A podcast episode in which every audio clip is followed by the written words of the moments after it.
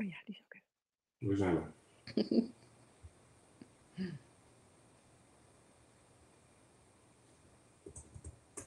Check Facebook.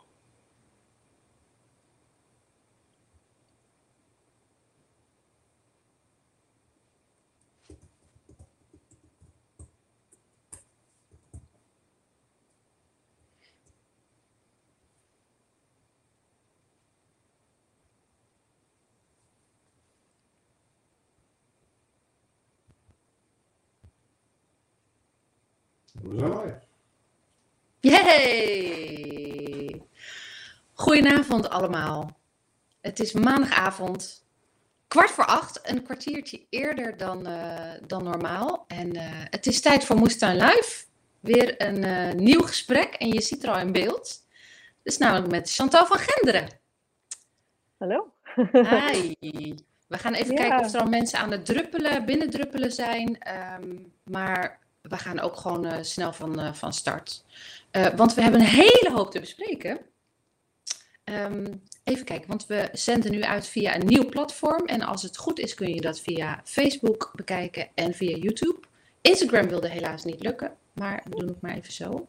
Kan jij zien, Colin, mijn man die doet het beheer, of, er of er mensen zijn aan het aanhaken? Zijn in ieder geval live. We zijn lekker gezegd. Oh ja, nou dan gaan we inderdaad Ik starten. hoor ehm, best wel een staccato geluid. Als jij praat. Oh, ik ga ja, even doorpraten. dat alleen hier hoor. Ja, geen idee. Ehm, als er mensen meekijken, welkom iedereen die aan het meekijken is. En eh, laat even weten ehm, of jij het geluid goed binnenkrijgt. Zo niet, dan eh, moeten we even kijken of we daar wat aan kunnen doen. Ik zou niet weten wat, maar daar hebben we Colin voor. Want als het echt. Nou, eh, ik wacht even op jullie eh, reacties of het geluid goed is. En ik zal in het kort vertellen wat Moestuin Live is en waarom ik dat ben begonnen. Moestuin Live is eigenlijk gewoon een gesprek aan de keukentafel of aan de, aan de eettafel. En we hebben het over een onderwerp dat gerelateerd is aan moestuinieren. Ehm, ik ben dat twee jaar geleden begonnen in de lockdown, omdat we elkaar toen niet zo heel vaak konden zien. Maar ik wel behoefte had om eh, met mensen te praten over onze passie. De tuin, de natuur, onze moestuin, werken met onze handen, lekker naar buiten. En daarom is eh Moestuin Live eh, gestart. Oh, ik krijg... Het gaat niet goed. Daarom ben ik zo blij dat ik jou... Nou, we gaan even checken of dit beter gaat dan. Jij hebt ook oortjes in, Chantal, dus dan eh, komt het alleen maar beter. Check, check. Nou, even kijken of je me nu goed hoort. Nou, we gaan zo verder. Hoor jij mij, Chantal, zo? Ja, ik hoor je wel. Oh, goed zo. Nou, kijk of het nu eh, beter gaat en minder staccato. Nee, Colin zegt ook nee. Dat is mooi balen, mensen. Dan moet ik maar hele lange verhalen houden, Jessica. Ja, ik denk dat ik... Oh ja, ik ga jou gewoon eh eh sms. Bezig houden. Ja, en jij gaat gewoon praten. Dus eh, Chant- jou krijgen we... Chantal krijgen we wel binnenkom? Wat raar. Ja. Ja, ja, ik hoor jou hartstikke goed. Nou ja, wat kunnen we doen? Zet je wifi uit? Oké, wifi uit. Schakel wifi uit. Oh, nou, dat is best een slimme, want we zitten nu op de net- netwerkkabel. Dus het zou beter moeten gaan.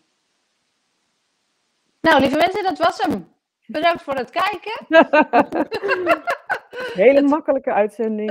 Het was weer inspirerend. Hmm.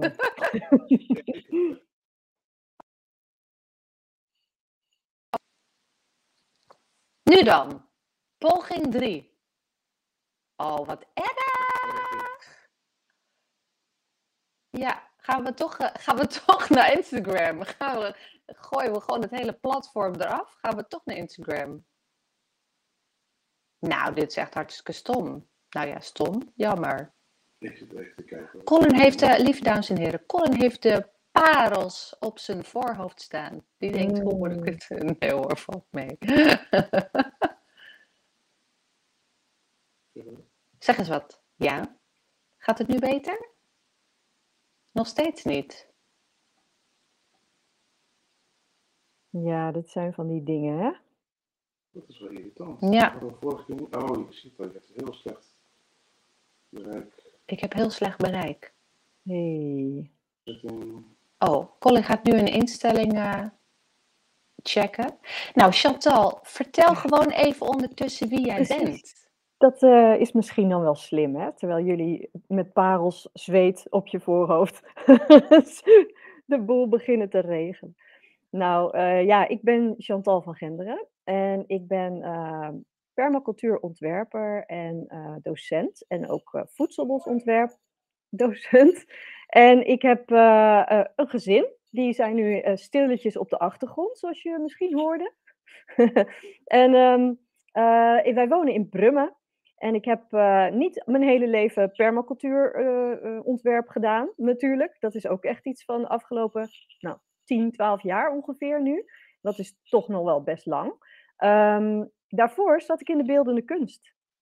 Eh, dus ik ben, eh, ik ben echt eh, opgeleid als fotograaf en ik heb me heel veel eh, eh, bezig gehouden met beeldtaal en met eh, ho- hoe we eigenlijk de, de werkelijkheid zien. En ik kwam er op een gegeven moment eh, achter tijdens de eh, crisis van 2008 dat ik daar in die culturele sector niet zo lekker meer zat. Het begon te veel te schuiven en toen dacht ik, er is één ding waar ik heel blij van word en dat herkennen jullie vast. Dat is in de tuin. En ik had geen tuin. Ik had een balkonnetje. eh, Want ik woonde toen in Amsterdam. En ik had een hele klein balkonnetje met allemaal bloembakken. Maar ik vond het leuk om daar een beetje met bloemetjes te rommelen. En eh, toen dacht ik, weet je wat slim is om te doen? Nu eerst even pas op de plaats. Ik had net een babytje en ik was al zwanger van nog een babytje. Dus ik dacht van, ik ga e- eventjes ehm, in de tuin. En ik ga iets doen van een cursus eh, siertuinen vormgeven of zoiets dergelijks. Hè? Toch dicht bij mijn vak eh, met, met schoonheid. En die ging toen niet door, wegens gebrek aan belangstelling. Dat is wel grappig, dat kan ik me nu bijna niet meer voorstellen. Ehm, dus toen kwam ik een permacultuur opleiding tegen. En daar stond bij dat dat geschikt was voor luie tuiniers. Kijk. Dat leek mij wel wat, want ik dacht van ik heb natuurlijk gewoon nog mijn werk en ik zit eigenlijk had ik eh, dat balkon en ik had in het weekend een huisje bij, eh, bij de- een familiehuisje waar Ja. we wel een beetje grond hadden en daar vond ik het leuk om ook wat te doen met, met de tuin. Dus ehm, ik dacht van in die zin ben ik een luie tuinier. Als ik daar was, dan werkte ik heel hard, maar vond het eh, wel gepast. Je kon het ook de boel de boel laten als je weer eh, terugging. ja, ik was er in het weekend, dus dat vond ik dan equivalent van luie tuinier. Dus ik Ja. dacht, ik ga die cursus doen, want er stond ook iets over ecologisch tuinieren en zo. Dacht ik, nou, kan nooit kwaad, is vast Mm. iets goeds. Toen ben ik dat gaan doen. En toen eh, merkte ik eigenlijk dat langzamerhand mijn, mijn hele wereldbeeld begon te schuiven. En ehm, ja, ik eigenlijk ook niet meer terug kon stappen in de wereld waar ik uitkwam. En dat was Ja. wel heel bijzonder. Dus toen ging ik Ja. echt in een soort transitietijd. Nou, en, Eh. en dat, dat merk ik aan heel veel mensen die eh, ooit zijn begonnen met permacultuur, is dat het, eh, dat het eh, veel meer inhoudt dan alleen maar eh moestuinieren of tuinieren in het algemeen. Maar voor mensen die, eh, die meekijken en interesse hebben in, maar nog niet precies weten wat het is, kun je uitleggen hoe jij, zeg maar, eh, hoe, wat permacultuur voor jou in het begin was? Want het was natuurlijk die tuin die jou daarin heeft geleid. Wat is permacultuur? Ja, daar heb je meteen een hele goeie te pakken. Want ik las toen al zoiets van ja, mee, meebewegen met de natuur. Ja, En ehm, ehm, eh, ja, een onderdeel van de oplossing zijn. Nou, dat, dat wil je allemaal wel. Of dat denk, ik, dacht van nou, dat, dat, dat gaat natuurlijk wel goed. Maar ik kwam erachter dat, dat permacultuur is, eh, is, een, is een ontwerpproces eigenlijk. Een ontwerptechniek. eh, waarmee je eh, een, een duurzame systemen ontwerpt. En het is heel logisch om dat als eerste in die tuin te doen. Daar is het Ja. ook uit ontstaan. Het is echt een, een, eh, door, in de jaren zeventig door Bill Mollison en David Holmgren ge- gemunt eigenlijk als naam. nadat zij heel erg veel studie hebben, ge- hebben gedaan, ecologische studie en inheemse bevolkingen hebben bestudeerd en hoe zij met de natuur omgingen. En ehm, daar kwam eigenlijk een soort van manier van, van met de natuur omgaan en met voedselvoorziening omgaan eh, uitgerold, die ehm, wij eigenlijk heel erg kwijt zijn geraakt gaandeweg. En ehm, ja, dat, dat, dat, die, die, die principes die daarachter liggen, de, de ontwerpprincipes, zeg maar, die kun je eigenlijk op heel veel andere terreinen van van je leven of van onze maatschappij, kun je die ook gebruiken. Want het gaat eigenlijk over een soort mindset, een, een, een leefwijze bijna. En permacultuur was eigenlijk, is het een afkorting van permanente agricultuur. Maar het werd ook steeds meer permanente cultuur eigenlijk. Een, een soort volhoudbare cultuur die je ontwikkelt samen. Dus Ja. het was, ja, dat was voor mij wel een, een belangrijk moment dat ik eh, me realiseerde dat, dat zoveel dingen met elkaar samenhangen. En ik stond dan wel, ik, ik werkte toen, eh, had ik de dagelijkse leiding van een galerie, fotogalerie. En toen stond ik hele mooie foto's te laten zien midden in eh, Amsterdam. En het was hartstikke leuk om te doen. Maar ik dacht, als dit het geval is, als dit echt zo is met die voedselvoorziening, dan, dan, dan moet ik aan de slag. Ja, En ja, daar begon iets te schuiven. ja. Nou ja, mm, en dus zo, zo ben ik eigenlijk daarin getreden. En ik kwam er eigenlijk ook achter dat eh, de manier waarop we ons voedsel verbouwen, dat het ook heel veel gezondheidswaarden verliest daarmee.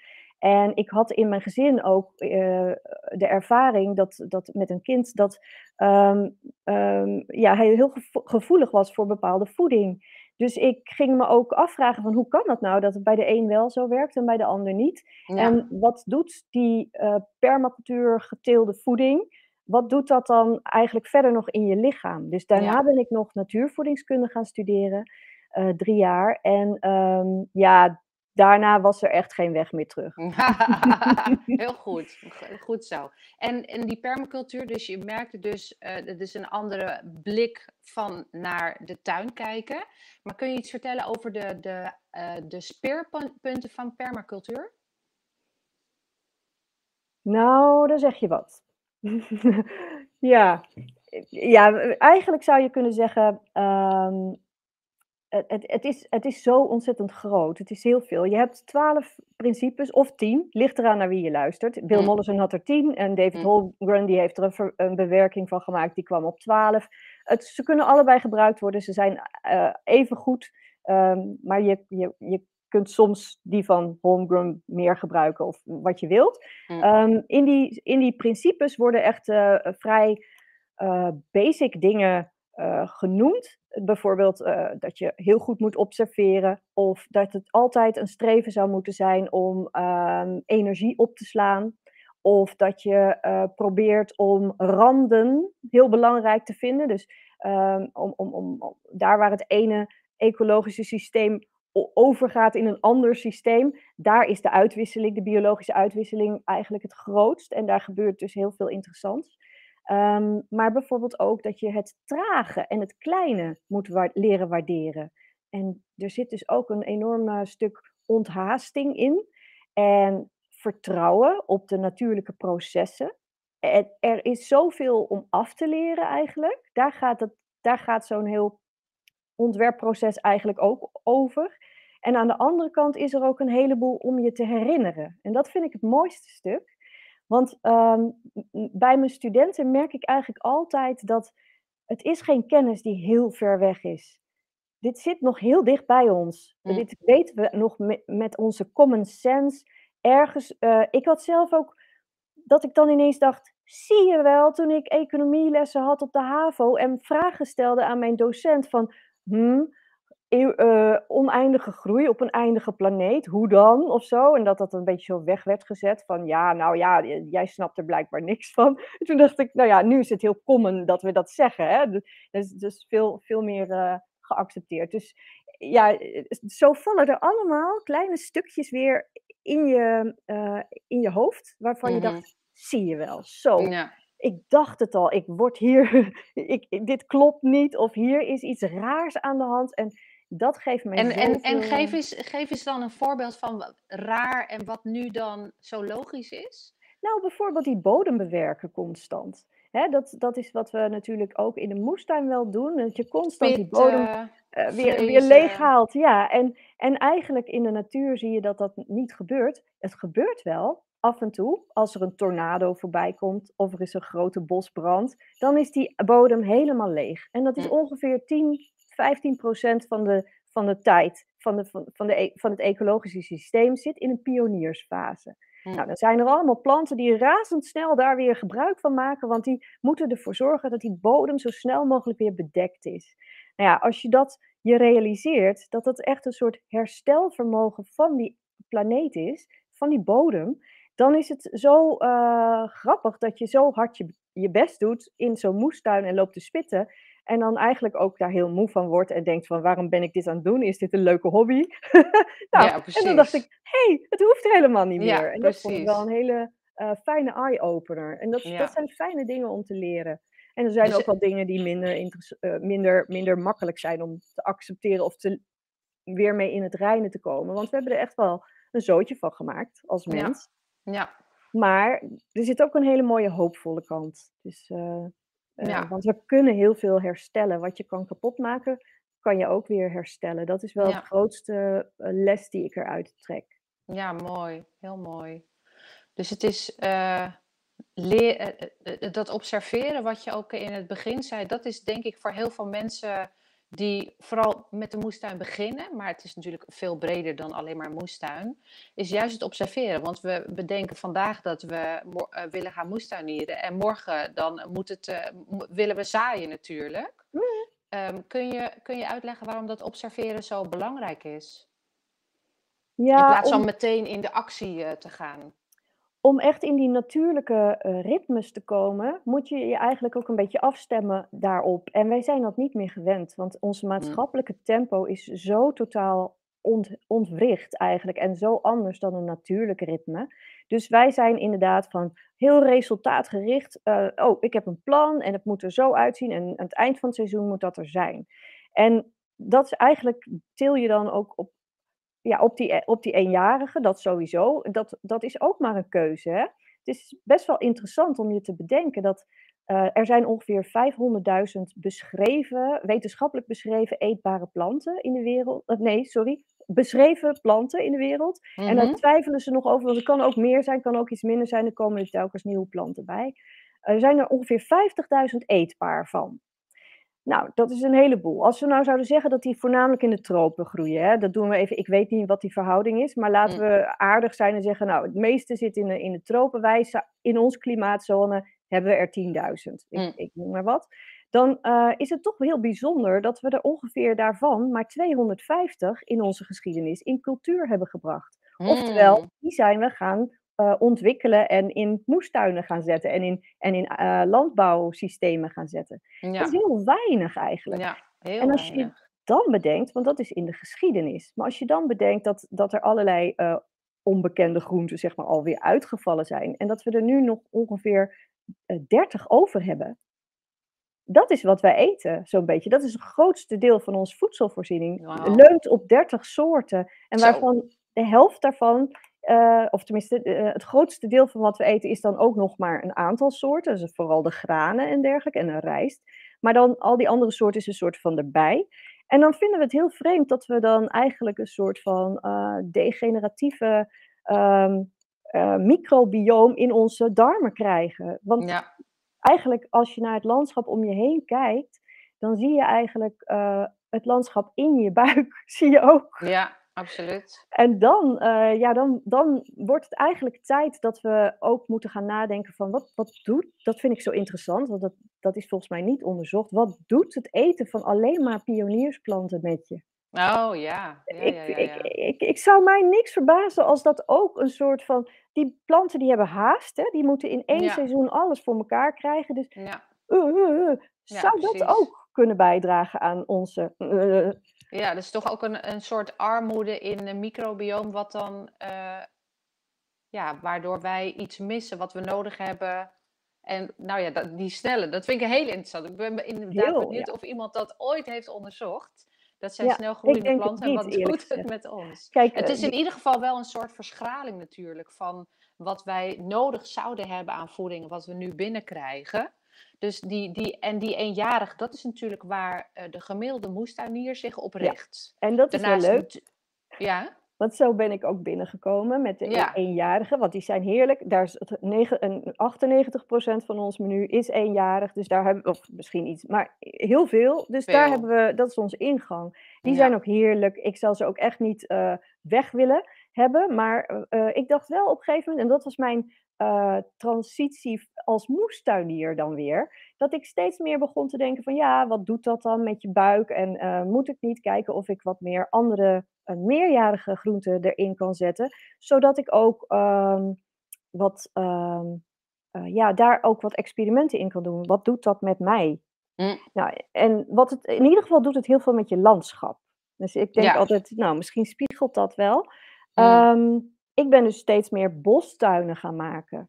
En veel minder echt in die moestuinsfeer. Mijn tuin lijkt meer op een bostuin waar ook af en toe plekken zijn waar eenjarigen staan. Want die Mm. zijn natuurlijk gewoon geweldig. Mm. Eh, maar lang niet alles meer. Nee. En ze kosten veel energie, hè, eenjarigen. Want de Ja. energie die zo'n tornado nodig heeft om die grond helemaal leeg te halen, nou, die moeten wij elk jaar opbrengen, zelf, vanuit onszelf. Dat is Mm. best iets om over na te denken, Mm. om diezelfde eh, effecten een beetje te krijgen. Dus, eh, nou ja, als je dus eh, met meerjarigen en als een bostuin gaat werken, met meer, met, ook met, met bomen zelfs, als je dat lukt, daarvoor moest ik echt uit Amsterdam. Mm, ja, ja. Ook, het, ook het tuintje bij, bij de familie was niet meer genoeg op een gegeven moment. Dus ik ben verhuisd naar Brummen. En toen ik in Brummen terecht kwam, toen werd er een voedselbos aange- aangekondigd. En toen dacht ik, dat is helemaal mijn cadeautje. Want ik had alles achter me gelaten en eh, niks te doen. Mijn kunstwereldverhaal was afgelopen en ik dacht, ik wil verder met die voeding. Wat, weet ik niet. En toen kwam er een voedselbos in de openbare ruimte in Brummen. En Hm. daar ben ik ingevlogen. En dat heeft zich eigenlijk heel mooi ontwikkeld. Die is nu vijf jaar oud. En ehm, ik heb dus eh, mijn eigen bostuin aan huis. Maar ik ben ook eh, in de buurt heel erg aan de slag gegaan Ja. met, eh, met andere mensen. En Ja. daar dus echt een voedselbos eh, ja, meer tot wasdom laten komen. Nou, en dan, dan ga je op een hele andere schaal denken, op een hele andere manier. En, en dat heeft ook nog een staartje gekregen dat we op een gegeven moment eh, met een aantal van hen ben ik gaan nadenken van dit wat wij hier doen in die openbare ruimte. Dat zou eigenlijk ook een oplossing kunnen zijn voor de landbouw. En is het niet mogelijk om ergens een stuk land eh, te vinden of een boerderij te vinden en daar een agro-ecologisch landschap, landgoed, boerderij van te maken. Dus daar zijn we ook mee begonnen. En we hebben ook inderdaad een plek gevonden. En we, gaan, eh, we zijn nu bezig met het omzetten van een, eh, een gangbare melkveehouderij eh, naar een agro-ecologisch landgoed waar je agroforestry hebt. Dus dat zijn rijen teelt met, bo- eh, met bomen, met noten Hm. bijvoorbeeld. Maar ook Hm. voedselbossen en ook eh bosweides met dieren. Maar eh, ook een stukje tuinderij. Dus Ja. ehm, het, het, is een meer volledig eh, systeem dan. Ja, maar nou zeg je al van ik, ik kon dat met, in Amsterdam kon ik, daar, kon ik daar niks mee. Op balkon sowieso niet. Het tu- tuintje wat je daarbij had in het weekend eigenlijk ook niet. Ehm, en nu heeft natuurlijk, eh, zijn sommige mensen gezegend met, eh, met heel veel oppervlakte waar ze Ja. zo'n voedselbos bos kunnen aanleggen. Of die zijn super stoer zoals jij bent eh, en je bent gewoon bezig met dat soort grote projecten. Maar ik denk dat Gros natuurlijk gewoon Precies. of een, een stuk volkstuin heeft als, je, als je in de prijzen bent gevallen of een ruime achtertuin. Dus hoe kun je zeg maar die principes als we het hebben over, nou die eenjarigen die hebben we, daar kunnen we lekker van eten. Maar er is nog meer met vaste beplanting en die bomen, die zijn natuurlijk Ja. belangrijk. Wat, wat eh, kan de gemiddelde moestuinier daarmee doen? Ja, nou ja, zeker eh, toen ik in de stad woonde, toen ben ik me gaan verbinden met projecten die daar iets mee deden. Want ik wilde natuurlijk ook gewoon in de stad dingen doen. En Ja, nou, er, zijn, er zijn gelukkig nu zoveel meer projecten dan, dan tien jaar geleden.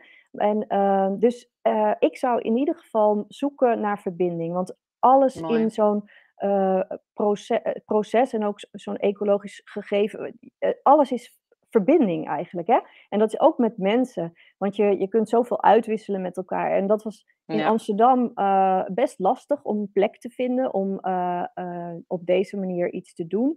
Eh, er begonnen wel wat, eh, wat, wat dingen. Cityplot begon toen. En eh eh, Lynn Shore was heel leuk. eh, een dame die in Amsterdam in boomspiegels ehm, een soort van ehm, ja, guerrilla gardening toepaste. Oh ja, ja. Met, eh, met kruiden.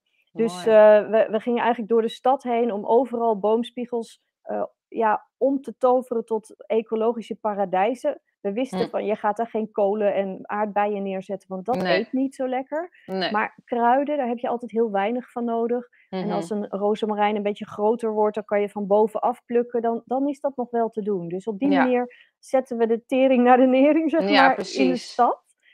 En ik denk En dat is natuurlijk ook goed eh, te doen op kleinere oppervlakte, inderdaad. Die, die vaste planten, kruiden, die, die passen daar dus heel goed bij, Ja. eh, begrijp ik van jou. Ja, en, En- ook eh, de bloemen.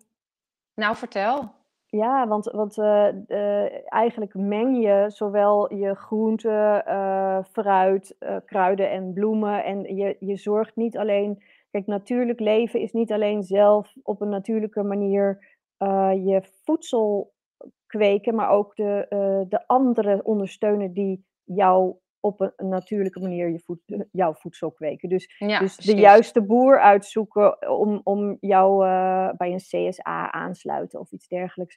Mocht je eh, op hele kleine schaal alleen tomaten kunnen kweken eh, op je Mhm. balkon. Hè?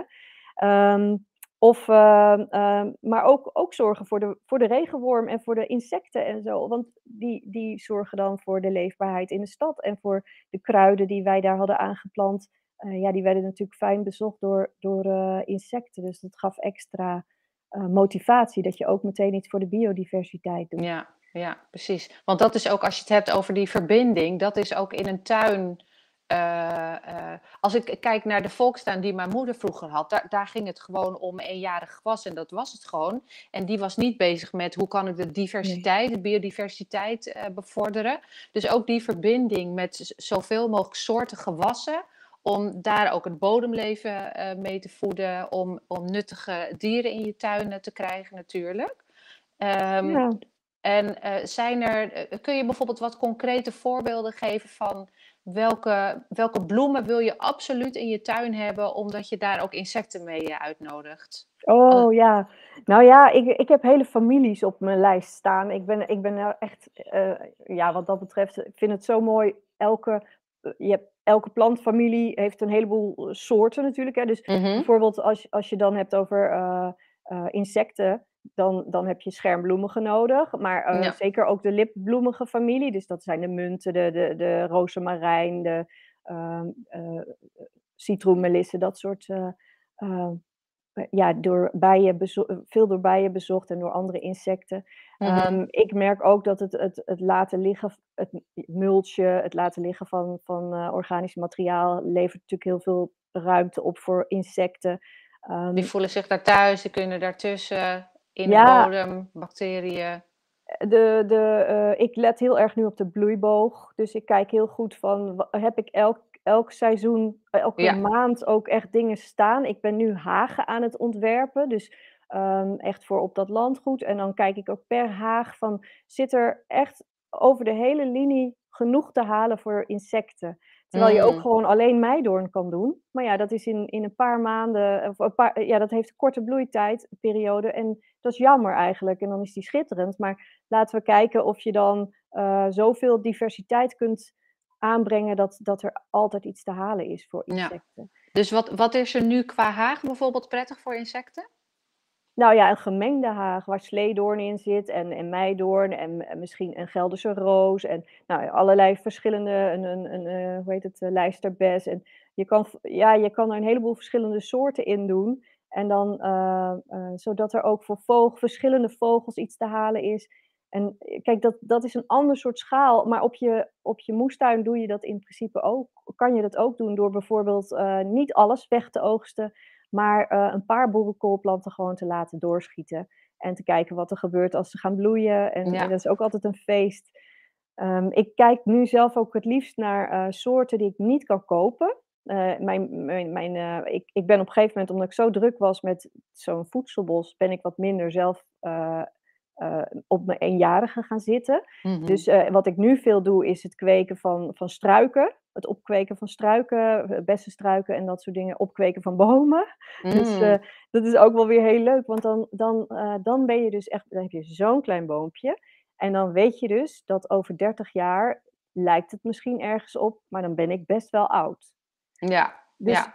gelijk met het nadenken over zo'n landgoed, moet ik eigenlijk ook al bezig zijn met mijn opvolgers. ja. En dat vind ik zo ik krijg daar zelf gewoon toch elke keer kippenvel van. Want dat is zo anders dan waar wij net begonnen in dit gesprek over dat snel resultaat. Ja. Aan het eind van het seizoen wil ik mijn oogst hebben. Dit voelt zo. eh, ik, ik, ik, ik krijg daar heel veel eh, eh, ja, nederigheid of zo. Dat ik Mm. denk, wauw, dat je gewoon zoiets kan beginnen. En, en ik kan het straks misschien zelf niet eens gaan meemaken hoe dat in volle glorie wordt. Ehm, maar om zoiets mee te kunnen geven. En ik, ik gun dat eigenlijk wel iedereen om ook eh, die langere termijn. Want er komt ook wat rust binnen. Eh, er zit een wat ehm, compassievol iets zit daarin. Ehm, en ja, het heeft een enorme schoonheid die ik, Mm. die ik, ja, die ik graag uitdraag. Ja. En het is, maar het is ook een enorm risico natuurlijk. Want stel dat jij bedenkt, eh, ik verkoop eh, over twintig jaar, ik, eh, ik verkoop de toko en ik ga naar Spanje op een berg wonen. Ja. Dan heb jij daar je voedselbos aangelegd en iemand anders denkt van, ik wil daar mijn zwembad bouwen. Ja. He- hebben jullie daar wel eens over? Over ja, hoe, hoe, hoe gaat het op de lange termijn? Want het is heel mooi en ook je wil wat, Mhm. wat geven. Maar er zit ook gewoon een flink risico. Want ja. Ja. je weet niet of je er over 20 of 30 jaar nog woont Nee. natuurlijk. En dat vind ik eigenlijk met alles. Ook eh, van, eh, ik heb ook wel, ik weet niet of je dat zelf wel eens hebt meegemaakt, dat mensen die dan niet biologisch eten, wel eens proberen eh, jou te, ehm, daarvan af te houden of te zeggen, ja, maar je wordt ook bedonderd, want het is Ja, ja, ja, ja. Dan, en dan de soort van. Maar ik heb daar op een gegeven moment op bedacht van. Het gaat mij niet om of mensen mij bedonderen. Want dat kunnen ze altijd doen. Het gaat mij er niet om of de wereld morgen ontploft. Wie zal het zeggen, hè?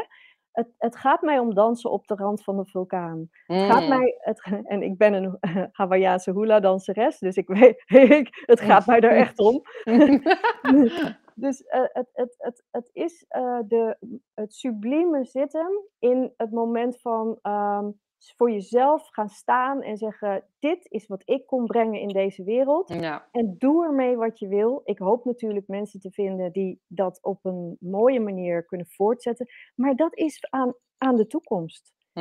Eh, Ik heb in ieder geval mijn stukje kunnen doen zoals ik, zoals ik het goed vind voelen. En ehm, ja, zo'n voedselbos kan natuurlijk weggekapt worden. En dat lijkt me heel tra- tragisch voor iedereen die dat overzicht heeft. Maar ik ben er dan niet meer. ja. Ja, en, en ik denk eerlijk gezegd eh, dat er de komende jaren zoveel gaat gebeuren. Dat we eh, op een andere manier ons gaan, collectief ook wat meer op een andere manier gaan verhouden tot de natuur. Ja, nou dat zie je al inderdaad. eh, dat zie je nu al gebeuren. Ik bedoel, over tien jaar geleden was permacultuur iets waar, waar bijna niemand nog wat van af wist. Of voedselbossen, daar had je nog nooit van gehoord. Althans, Nee, ik hoorde daar zeer weinig over. Dus dat Ja. is gelukkig al aan het veranderen inderdaad. En Eh, ehm, je, je, je noemde net half grappend van, dan ga ik eh, dansen op de rand van een vulkaan. Maar jij had het ook over de randen natuurlijk. En hmm, het is een heel mooi, eh, mooi onderwerp in permacultuur. En je zei van, want daar, daar gebeurt het en daar vindt die uitwisseling plaats. Ehm, hoe, al, eh, beeld je een, zeg maar een, een, eh, een moestuin voor met eenjarigen, met struiken, misschien wel een meidoorn. Er staan wat, wat bomen, eh, wat vaste planten, eetbaar of niet eetbaar. Hoe kan ik, als ik nog nooit heb gehoord van die randen en de magie van die randen, hoe kan ik zien waarom dat zo belangrijk is? Waar moet ik naar kijken? Wat gebeurt er? hmm, ja, goede vraag. Ik zou ook in elk moestuinstuk zou ik ergens een hoekje, eh, zone 5 heet dat dan, een, stukje waar je niet eh, ingrijpt, waar je gewoon Ja. kijkt wat er wil gebeuren. En dan, eh, dan, dan da- da- daar kun je vaak gaan observeren wat er, ja, ik noem het altijd de uitdrukkingsvorm van het land is, wat het land zelf wil. Ja, En mooi. het is helemaal niet zo dat wij, die, dat kom ik wel eens tegen, hè, dat mensen zeggen wij zijn eigenlijk heel erg slecht als mens en wij zouden ons nergens mee moeten bemoeien, dan komt het goed. En, dan, en dan een soort van afgesloten zijn van de natuur. Nou, daar, zo zie ik dat zelf helemaal niet. Ik denk dat we juist een dans aan moeten gaan met de natuur. Ja, mooi. Waarbij die natuur af en toe een paar stappen neemt. En af en toe mag jij weer een aantal stappen nemen. Maar dat je in ieder geval geniet van dat het een mooie dans wordt. En niet Mm. alleen maar denkt van ik vind iets en ik ga dat nu doen met jou, Mm. natuur. En jij moet je gehoorzamen. En er Ja. dan achter komen dat uiteindelijk jij degene bent die dan niet, eh, niet echt goed uit de verf gaat komen. Ja, niet gaat precies. redden. Dus ja, het, dus zo'n, zo'n, eh, eh, ja, die randen die ehm, kun je uitnodigen door eh, wat wilde planten te laten staan, door ehm, ook niet in te grijpen soms. Door bijvoorbeeld als er een plaag voorbij komt. ehm, soms is het beter om dan gewoon maar te denken, dat wordt dit jaar dus geen goed aardbeienjaar. En dan die slakken die moeten dat gewoon even een jaar helemaal kaal vreten. En ehm, dan zul je zien dat het jaar daarna, of twee jaar daarna, en soms nog wel drie jaar daarna, dat er wat andere eh, beesten bij komen die die slakken dan weer gaan eh, aanpakken. En Ja. dat is wel ja, geduldskwestie. Ja, dat is En dat vinden wij heel moeilijk. nou ja, ik vind dit dus het mooiste aan het hele proces. Dat we zo, je, die tuin die zorgt ervoor dat je zo tegen jezelf aanloopt. Mm. En telkens, eh, ja, die, die, eh, ja, we hebben niet zoveel tijd. Hè. We hebben, wat hebben wij, 80 jaar. Dus het is, het is eh, inderdaad ook best wel, je mag daar best wel met compassie naar kijken. Maar ik, ik, zo zie ik het dan ook van, oh god, ze moet weer zo snel iets. Maar ja, er is ook zoveel te ontdekken. Ja, Er is zijn ook zoveel zo. lekkere soorten en alles wat nu mislukt. Ja. ja. Dus het is ook wel een menselijk iets, maar dat, dat je het herkent of zoiets, hè? Mm, Binnen het mm. grote verhaal. Ehm, ja. Ja, ja mooi. Ehm, je noemde net ook al even van, eh, de, de- niet, wij moeten niet onze wil opleggen. Ik wil dat die aardbeien er komen eh, en Mm. ik wil dus dat die slakken weggaan. Dus ik ga korrels strooien of eh, weet ik veel wat allemaal. Maar jij zegt van ja, we kunnen onze wil wel op, opleggen, maar uiteindelijk eh, prukken we daar de wrange vruchten van natuurlijk. Ehm, kun je voorbeelden geven van wat je zeg maar ziet in, ik noem het maar even reguliere moestuinieren, dat we onze wil ergens op willen leggen en wat zeg maar de permacultuuroplossing is? Nou, ik vind het telen op rijtjes, vind ik wel daar een heel mooi voorbeeld van. Eh, keurig Dus in, eh, niks natuurlijks aan natuurlijk in principe.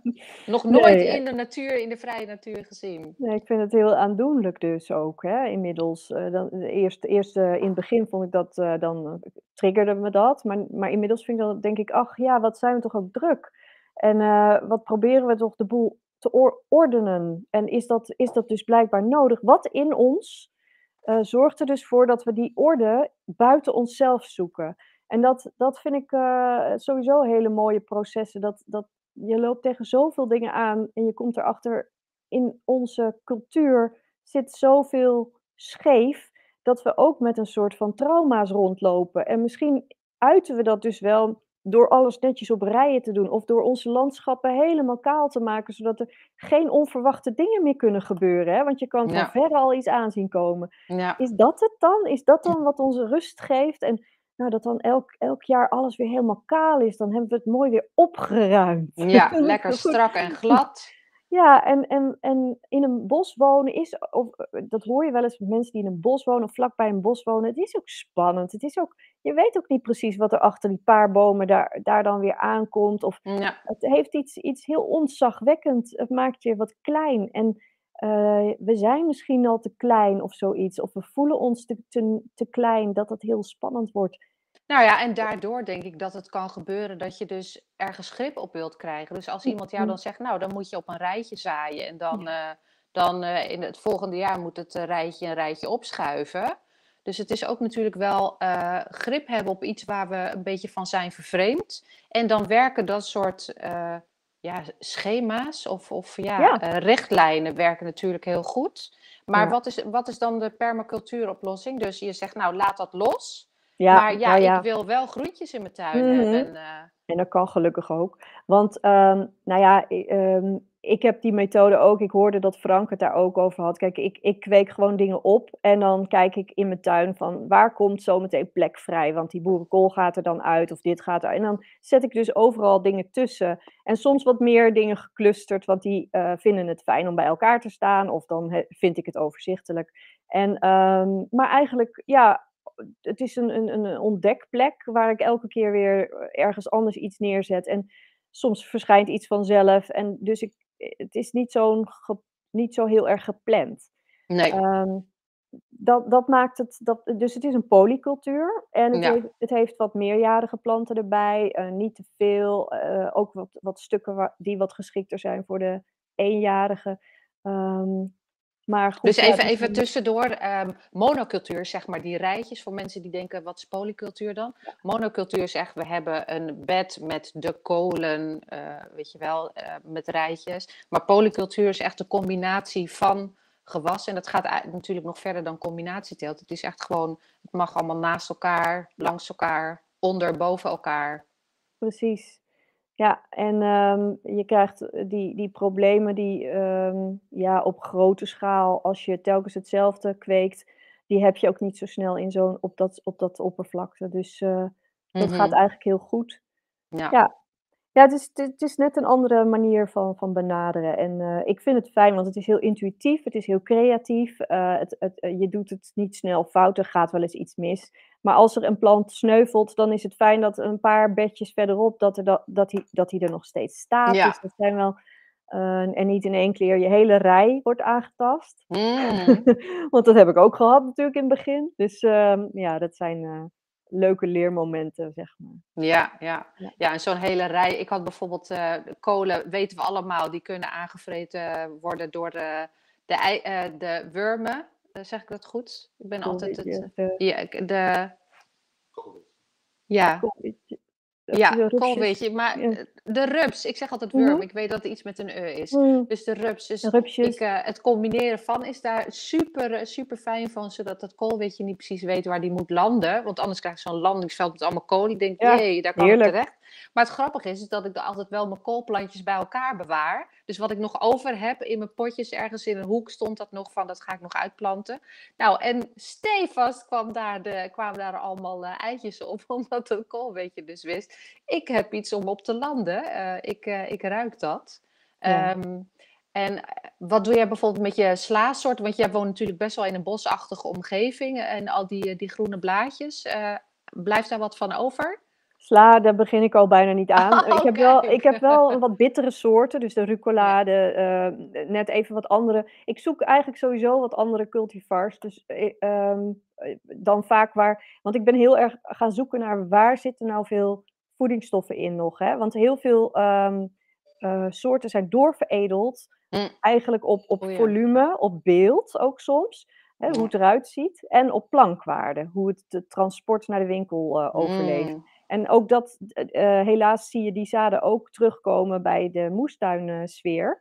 Ehm, terwijl wij eigenlijk ons kunnen permitteren om de eh, ongebruikelijke soorten te kiezen. Ja, En, ja. en de, de salades die wat meer bitterstoffen hebben, dat vind ik zelf nu ook wat fijner. Ik eet ook best veel wilde planten. Mm. Kijk, je hebt nu de, de paardenbloemen staan nu in hele mooie rozetten al bij mij. Als ik er nu Ja. iets bovenop zet, waardoor dat licht er even een tijdje uitgaat, dan wordt die heel erg mals. Ehm, nou, dat zijn leuke dingen eh, die je heel goed kan toevoegen. En Ja. dan eh, heb ik gewoon nu, omdat ik zo druk ben met heel veel dingen, dit soort eh, basisdingen, de, de, de, de sla en zo, die laat ik echt kweken door mijn boer. ja, precies. Die haal ik gewoon Ja. bij een ander nu. Want Ja. dat, dat, is, dat is niet omdat. ik denk dat ik dat ooit wel weer ga doen. Eh, maar dan moet ik er wel meer tijd voor hebben. Want dat is Mm. ook permacultuurontwerp. Dat je ook kijkt naar je eigen leven. Van wat is nu nodig? En eh, waar stop ik dit seizoen mijn energie in? Ja, mooi. Dus een aantal eh, hoofdtilten die je echt het belangrijkste vindt. En dan verder met anderen gaan samenwerken of uitwisselen. Of gewoon accepteren van nou dat is een experiment en dat kan ook mislukken. ja, precies. Dat vind Ja. ik de beste strategie. Ja, mooi. En ik ben toch nog wel een beetje benieuwd, want er zijn best een hoop mensen die eh, bostuinen hebben. eh, of waar sla, die blaadjes sla gewoon niet werken. En dan zeg je ook nog van ja, sommige eh, kan je wel zaaien, maar qua voedingswaarde eh, hoeft dat sowieso niet veel op te leveren. Nee. Ehm, dus ja, paardenbloem, dat is natuurlijk echt fantastisch, want dat, eh, dat, eh, dat haal ik ook veel uit de tuin. Super gezond. Maar welke vaste planten eh, word je nog meer blij van waar je, waar je van kunt plukken en als sla kunt gebruiken? Vaste planten. Ja, nou dan vind ik het ook heel leuk om eh, jong lindenblad te eten. En eh, ehm, ik heb, eh, nou ik, ik eet qua sla vooral veel wilde planten. Dus dan de vogelmuur en dat soort dingen. Ja. De, de, de, ehm, ja, de, ehm, eigenlijk alle, hè, dan heb je die boekjes van de, de eetbare wilde planten. Ik heb hier allemaal van die boeken liggen. En ja, ik haal gewoon alles wat ik vind. Dus, dus ehm, maar als ik dan denk aan eh, echt geteeld, dan eh, qua sla-achtige dingen. Nee, ik denk, ik denk niet dat. Ik ben ook niet zo sla-mens. Oh ja. Ik ben meer een supermens. Oh ja. Ja. Nou, vertel. Dus eh, de- wat, wat, wat, wat vind je lekker om gewoon uit je tuin te halen? Dat je ook weet, nou, deze planten, die gun ik iedereen in zijn tuin. Want die zijn, die zijn eh, voedingsrijk. eh, daar heb je Ja. weinig omkijken naar, bijvoorbeeld. Nou ja, dan, dan zit je ook met de bessen. Hè? Dat, dat, dat vind ik echt eh, als vitaminebommen. Antioxidanten. Je eigen bessen en dan die bessen die, die je niet kan vinden in een winkel. Zoals, nou ja, de Japanse wijnbes is dan een voorbeeld. Die, die Ja. verkopen ze niet omdat je dat eigenlijk maar een dag of zo goed houdt. Daarna valt Ja. die uit elkaar. Dus die wil je meteen van de plant eten. Ja. Ehm, er zit heel veel antioxidanten in, zo vuurrood. Nou, je, je, hebt, je hebt ook dingen als een fazantbes, die smaakt een beetje naar eh chocola-achtig. eh, oh, eh, die ja, gaan dus we morgen met z'n allen opzoeken. aanschaffen. Het is meerjarig geplant, dus het is heel leuk om, om daarmee te experimenteren. Eh, allerlei andere bessen, Josta-bessen. Nou, Ja. er zijn- er zijn en gewoon natuurlijk de witte en de, de rode en de zwarte bes. Zwarte bessen ook heel goed. Wat ik zo bijzonder vind, is dat als jij ze eh, laat afrijpen, goed laat afrijpen, dan, dan eh, die laatste eh, momenten aan de struik, dan maken ze de meeste voedingswaarde aan eigenlijk. Dan, dan, dan Mm. rijpen ze echt goed af. Dat is net als met je tomaten natuurlijk. Ja. Dat wil je Oh, het zelf kweken, omdat je die ehm, zo zongerijpt mogelijk wilt hebben. Ja. En ja, als je ze koopt, dan gaan ze toch ook nog even op transport en dan verliest. Nou ja, ik, ik denk dat dat het mooiste is meteen van een, van een struik. Nou, en dan zijn er ja, natuurlijk absoluut. een aantal van die meerjarige eh, dingen die ik altijd leuk vind. Bij mij staat nu de meerjarige prei. Ik heb eh, een soort oerpreitje is dat. En de olifantprei is het, Mm. geloof ik. Eh, die komt ook elk jaar terug. en Oh, die staat nu heel mooi. En dan hoef je alleen maar telkens wat af te choppen. En dan komt die volgend jaar gewoon straks komt die weer. Dus, Oh. dus het staat er gewoon. En dan af en toe dan wordt hij wat groter. En dan, haal ik er, dan deel ik hem. En dan zet ik weer een, een polletje ergens anders. En eh, dan gaat er weer wat naar de buurvrouw of wat dan ook. Dus dat Ja, eh, precies. Ook leuk om te delen, inderdaad. Ja, Maar dat is maar één keer, hè? Die andere preien, dat moet je toch elk jaar dan doen. ja precies. Ja, Ja. Dat vind ik een super goede tip. Ja, Ja. dus va- vast planten eh, had toen ik net begon, ik ben twintig jaar geleden begonnen met moestanieren, had het echt totaal niet mijn eh, focus. Dan behalve wel fruit, weet Ja. je wel, dat soort dingen. Maar eh, bijvoorbeeld zuring ben ik ook hartstikke enthousiast over. Hoe- Het vraagt ook heel weinig, vind ik zelf. Eh, wat is het? Mhm. Bloedzuring. Ja, die is ook zo mooi. Ja, hè? Schitterend ook in de tuin. Ja. Ehm, en je had het net toch nog even teruggrijpend op over die hagen. Want ik eh, wandelde vanmorgen nog langs een eh volkstuincomplexje. En daar worden ook de moestuinen vaak gescheiden met hagen. Maar dan zie ik hagen staan en ik denk, nou, ik zie maar één, één soort hagen hier staan.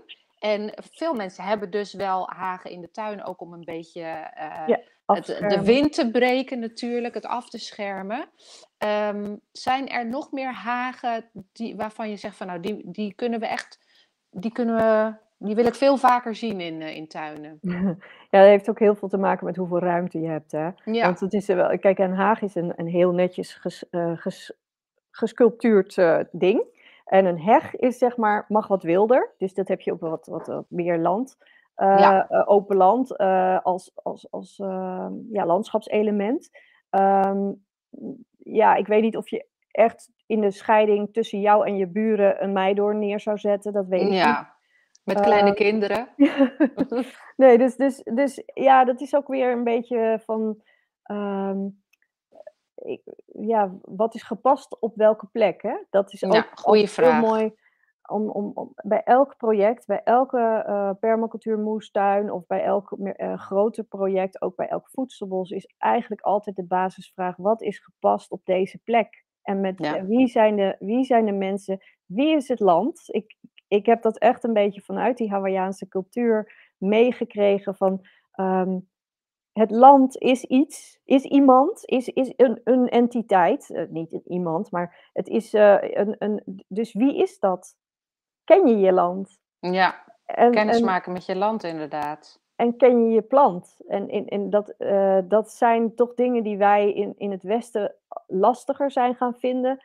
Ehm, nou, ik ben niet helemaal Westen, eh, nee, ik ben heel Westers. eh, Maar ik heb een Hm. beetje een achtergrond nog in een andere cultuur. Dus in, in die zin ehm, vind ik dat heel, hele leuke dingen om daarmee te spelen. En ook om dat weer terug te kunnen brengen in het eh, Gelderse land waar mijn moeder eh, geboren en getogen is.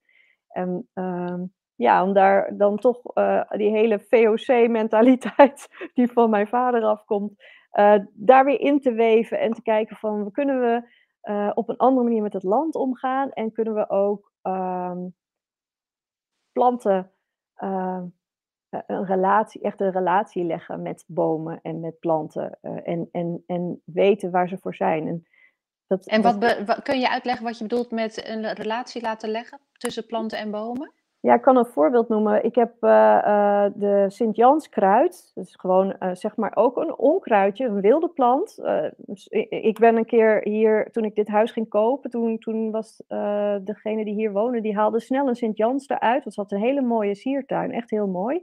Maar dat zei ze, oh, die moet je altijd meteen weghalen. Maar dat was een plant waar ik dus een soort van ding mee opgebouwd had. Omdat het, ja, als ik een plant wil leren kennen, dan ga ik er helemaal in. Dan wil ik er alles van weten. Dan wil ik weten hoe die in de geschiedenis gebruikt is. Wat voor bijgeloof er allemaal aan vasthangt. Hoe die in 1600 gebruikt. Ik heb een heel dik boek.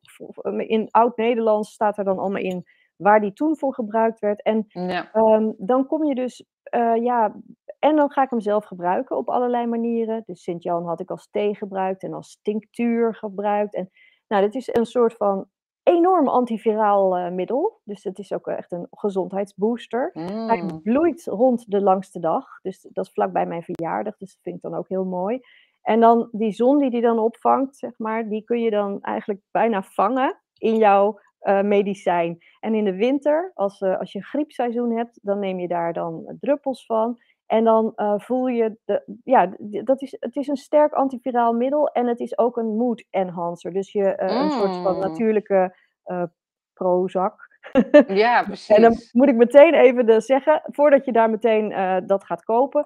Ehm daar zitten wat contra-indicaties. Dus mensen die medicijnen slikken of zo. Hij werkt zo goed dat hij die medicijnen eh, teniet doet. Ja, dus als ja, je ja. anticonceptie gebruikt, dan kan dat een probleem zijn als je niet zwanger wil worden. Dus eh, je kan dit soort middelen nooit zomaar gebruiken. Echt Nee. doe je onderzoek. En ook niet omdat ik iets zeg of jij of zo, maar altijd meerdere bronnen. En dan goed leren, waar zijn die planten voor? Zeker bij medicinale planten. Maar daar zit zoveel potentieel.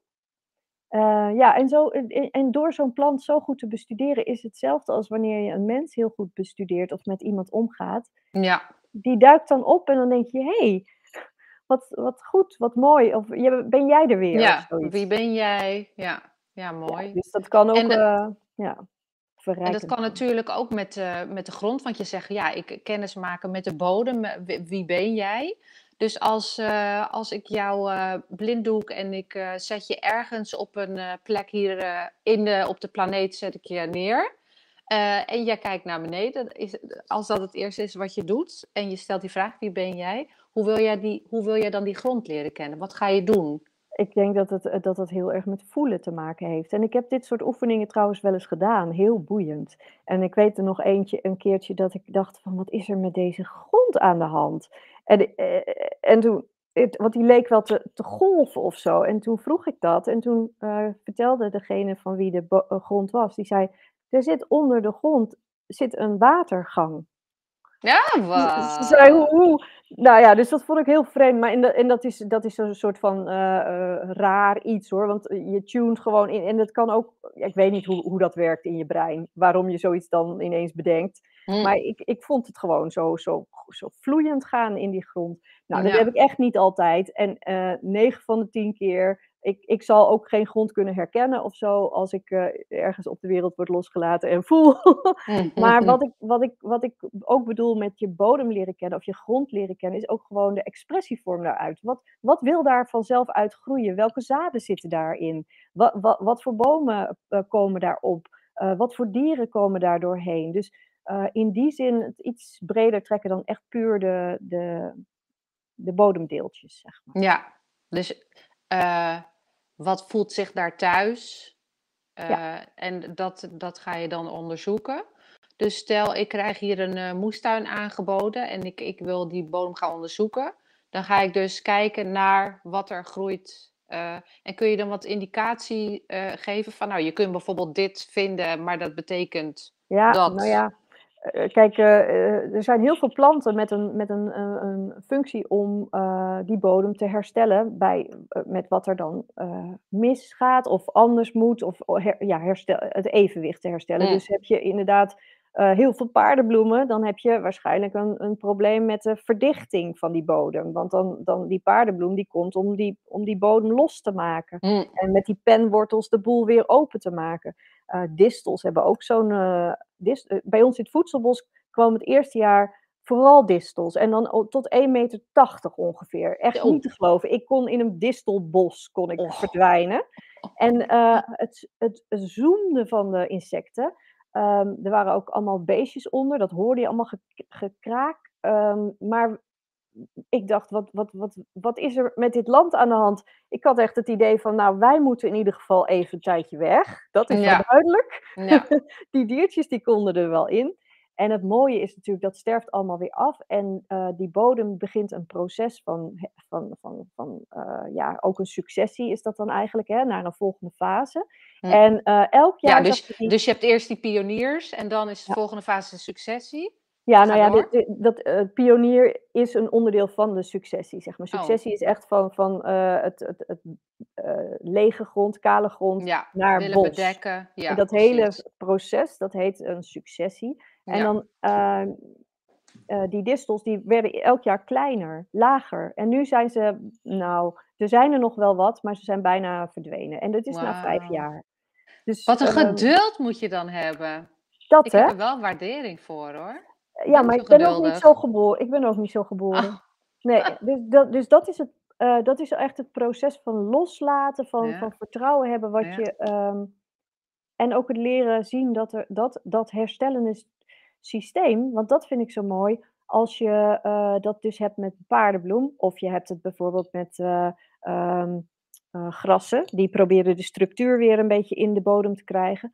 Dan ehm, wa- wat, wat spiegelt zich dan, hè, vraag ik me dan af. Want Hm. dat betekent dat ook in onze lichamen allerlei dingen bezig zijn constant om de, om de evenwichten te herstellen. Je ziet het Ja. buiten jezelf gebeuren. Wij zijn ook Ja. natuur. Ja, En, en dat vind ik dan weer heel bekrachtigend eigenlijk. ja, ja, mooi. Ja, ik zie het ook precies zo hoor. Het is, eh, het is, het is zo leerzaam, want dan leer je dus ook op die manier naar jezelf te kijken. Eh, ja, het is, nou ja, kunnen we er heel lang over praten. Maar Ja, Colin geeft net een, mooi? Colin geeft net een seintje, want ik denk, oh, het is pas kwart voor negen, we hebben tot negen uur. Maar we zijn natuurlijk een kwartier eerder begonnen. En eh Moestuin Live eh, duurt zo'n beetje een uurtje. Dus eh, Oeh. ik wil eens even kijken. Ehm, zijn er vragen binnengekomen? Zijn er mensen die een vraag willen stellen? vragen. Wel wat vragen? Ja.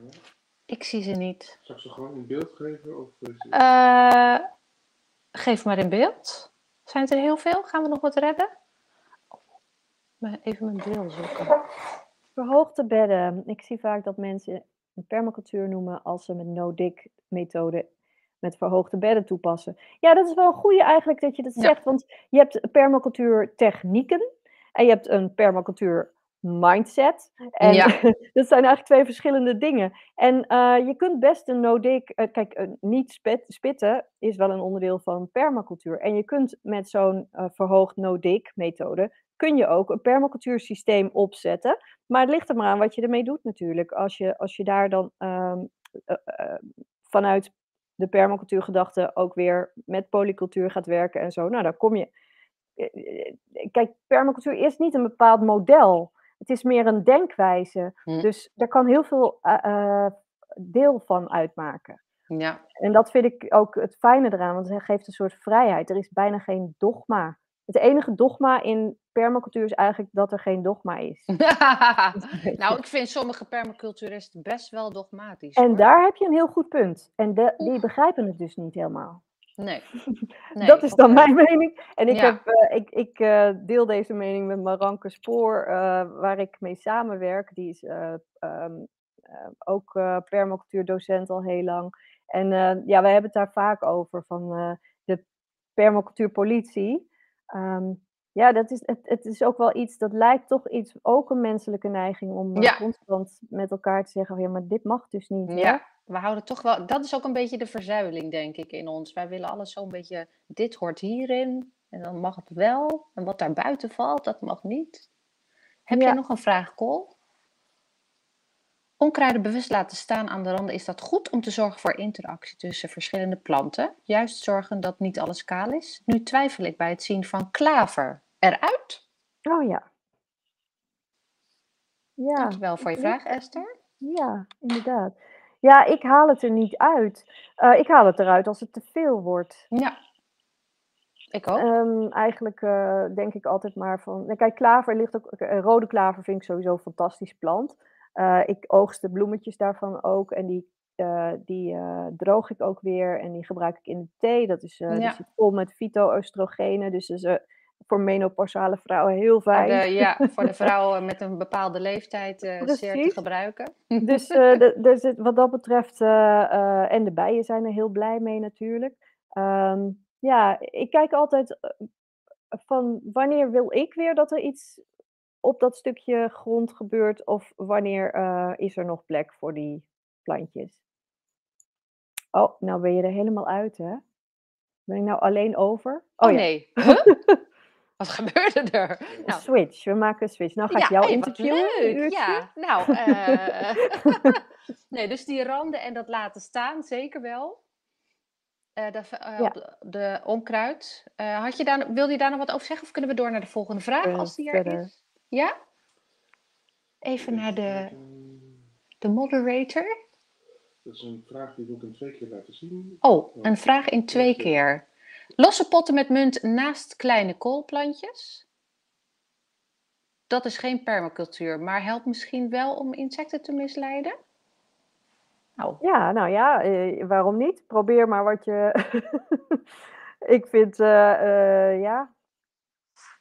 Wie ben ik om eh, je inventiviteit te remmen? Ik, ja, precies. Nou, en als mensen denken van waarom, waarom munt, munt naast koolplanten, eh, kun je daar iets over zeggen? Waarom diegene dat eh, zou willen doen? nou, er zijn planten die ervoor zorgen dat, een, an- een, eh, dat, dat insecten daar wegblijven. Ehm, ik doe het ook bij mijn bomen. Daar, daar zet ik ook allemaal gildes neer, zodat er juist allemaal insecten naartoe komen. Dat is wel grappig. Ja, en Ehm, een, een gilde, even, even Een tussendoor. gilde is eigenlijk een soort plantfamilie eh, om, een, om een boom of een andere plant heen, die eh, eh, eigenschappen hebben die de, de, eigenlijk de, de hoofdteelt extra beschermt of voedt of wat dan ook. Ja. En nou vind ik hem vooral, wij gebruiken functionele gildes in, bij bomen, dus dat is dan niet zozeer dit plantje bij dat plantje of zoiets. Het zijn meer diep wortelende, bo- eh, diep wortelende planten om heel veel mineralen uit de onderste lagen te halen van de bodem. Eh, omdat zo'n appelboom bijvoorbeeld wat, wat oppervlakkiger wortelt.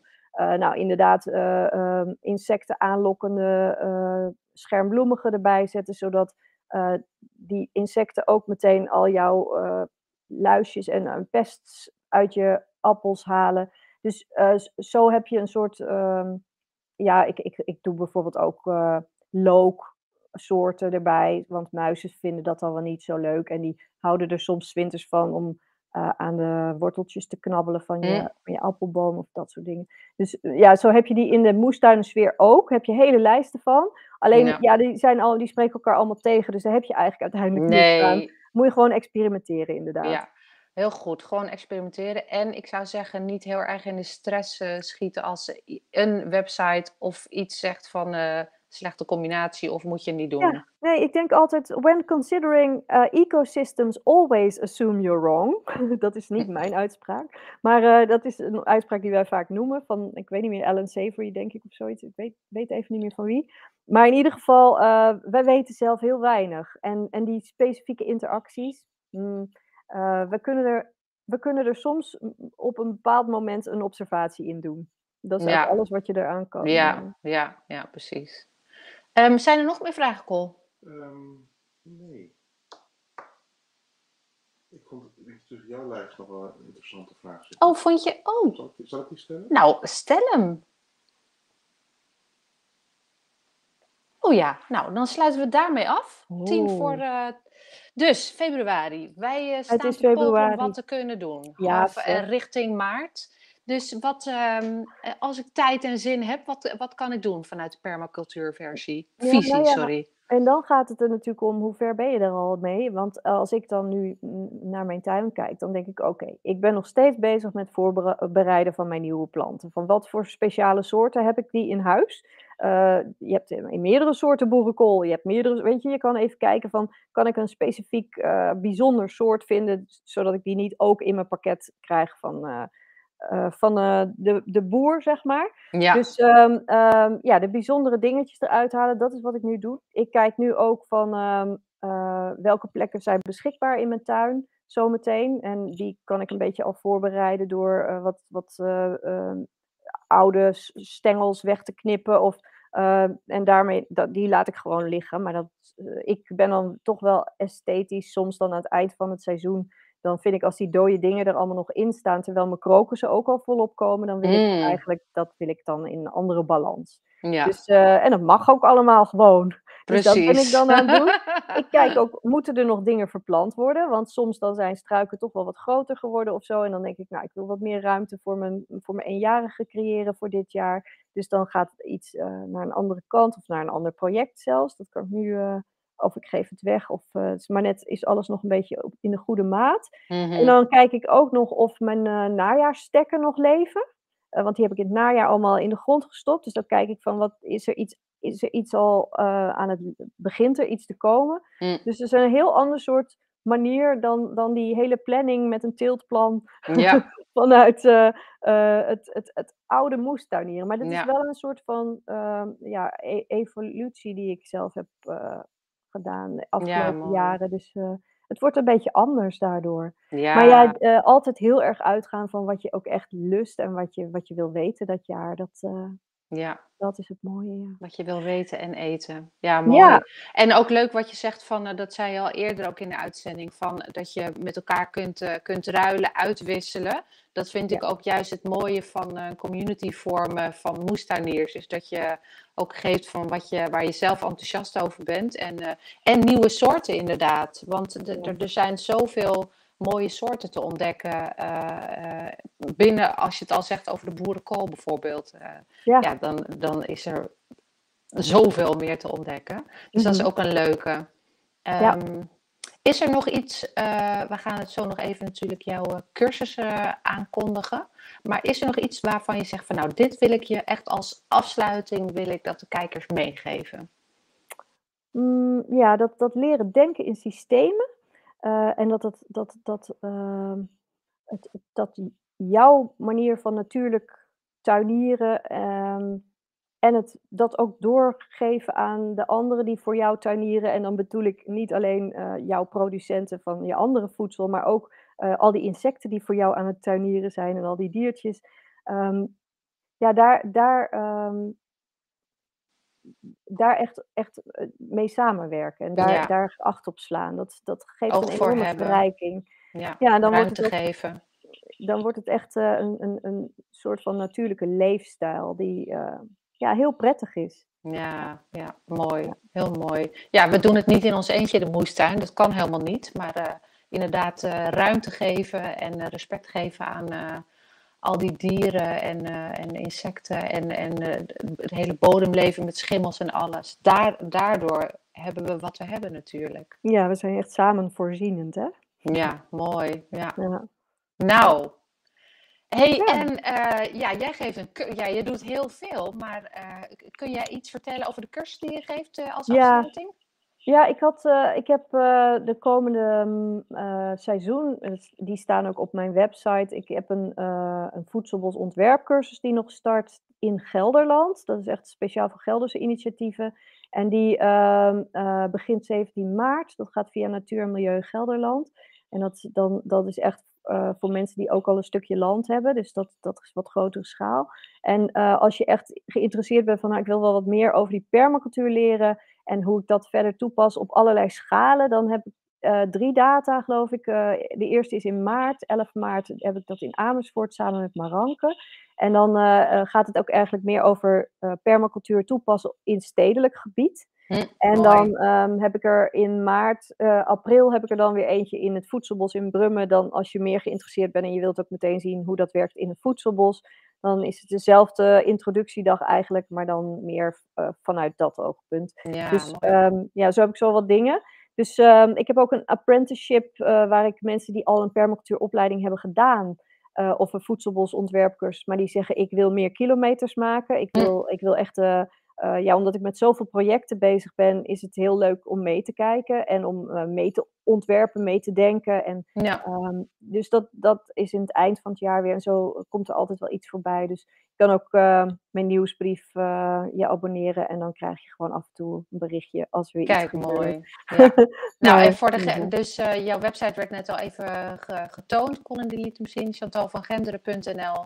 Ja, dus daar staat alles op. Slash cursussen. Kijk. Ja, dat kan ook, ja. ja dat- hey Chantal, heel erg bedankt voor eh, dit fijne gesprek met jouw visie op eh, permacultuur en ja, hoe, hoeveel meer dat rijk dan alleen maar moestuinieren, maar dat het betrekking heeft op je gezondheid, op eh, hoe we naar onszelf kijken, naar elkaar kijken, met elkaar omgaan. Ehm, ja, heel erg bedankt. Je bent een inspirerende persoon. Ik was blij dat je in de uitzending wilde zijn. Nou, heel erg graag gedaan en dank jullie wel op jullie eh, groene pad allemaal. Ja, ja, zo is het. Dat zijn we mee bezig, inderdaad. Nou, voor iedereen die heeft gekeken of die nog gaat nakijken, want er waren een aantal mensen die zeiden: ik ga hem zeker even terugkijken. eh, laat even weten wat je ervan vond eh, hieronder. En eh, dan hoop ik jullie volgende maand te zien. Dan is eh, Norbert eh, te gast van Mergen Mets. En dan gaan wij het hebben over moestuinieren, maar dan weer een ander onderwerp. Ehm, dus hopelijk ben je er dan weer bij. En volg Chantal even op Instagram. Schrijf je in voor haar nieuwsbrief. Als je mij nog niet volgt op Instagram of waar dan ook op Facebook, dan kan dat natuurlijk ook. Dus dit was hem, lieve mensen. Bedankt voor het kijken en bedankt voor jullie mooie vragen ook. En nogmaals, Chantal, lieve Chantal, dankjewel. Alright, tot de volgende keer. Bye.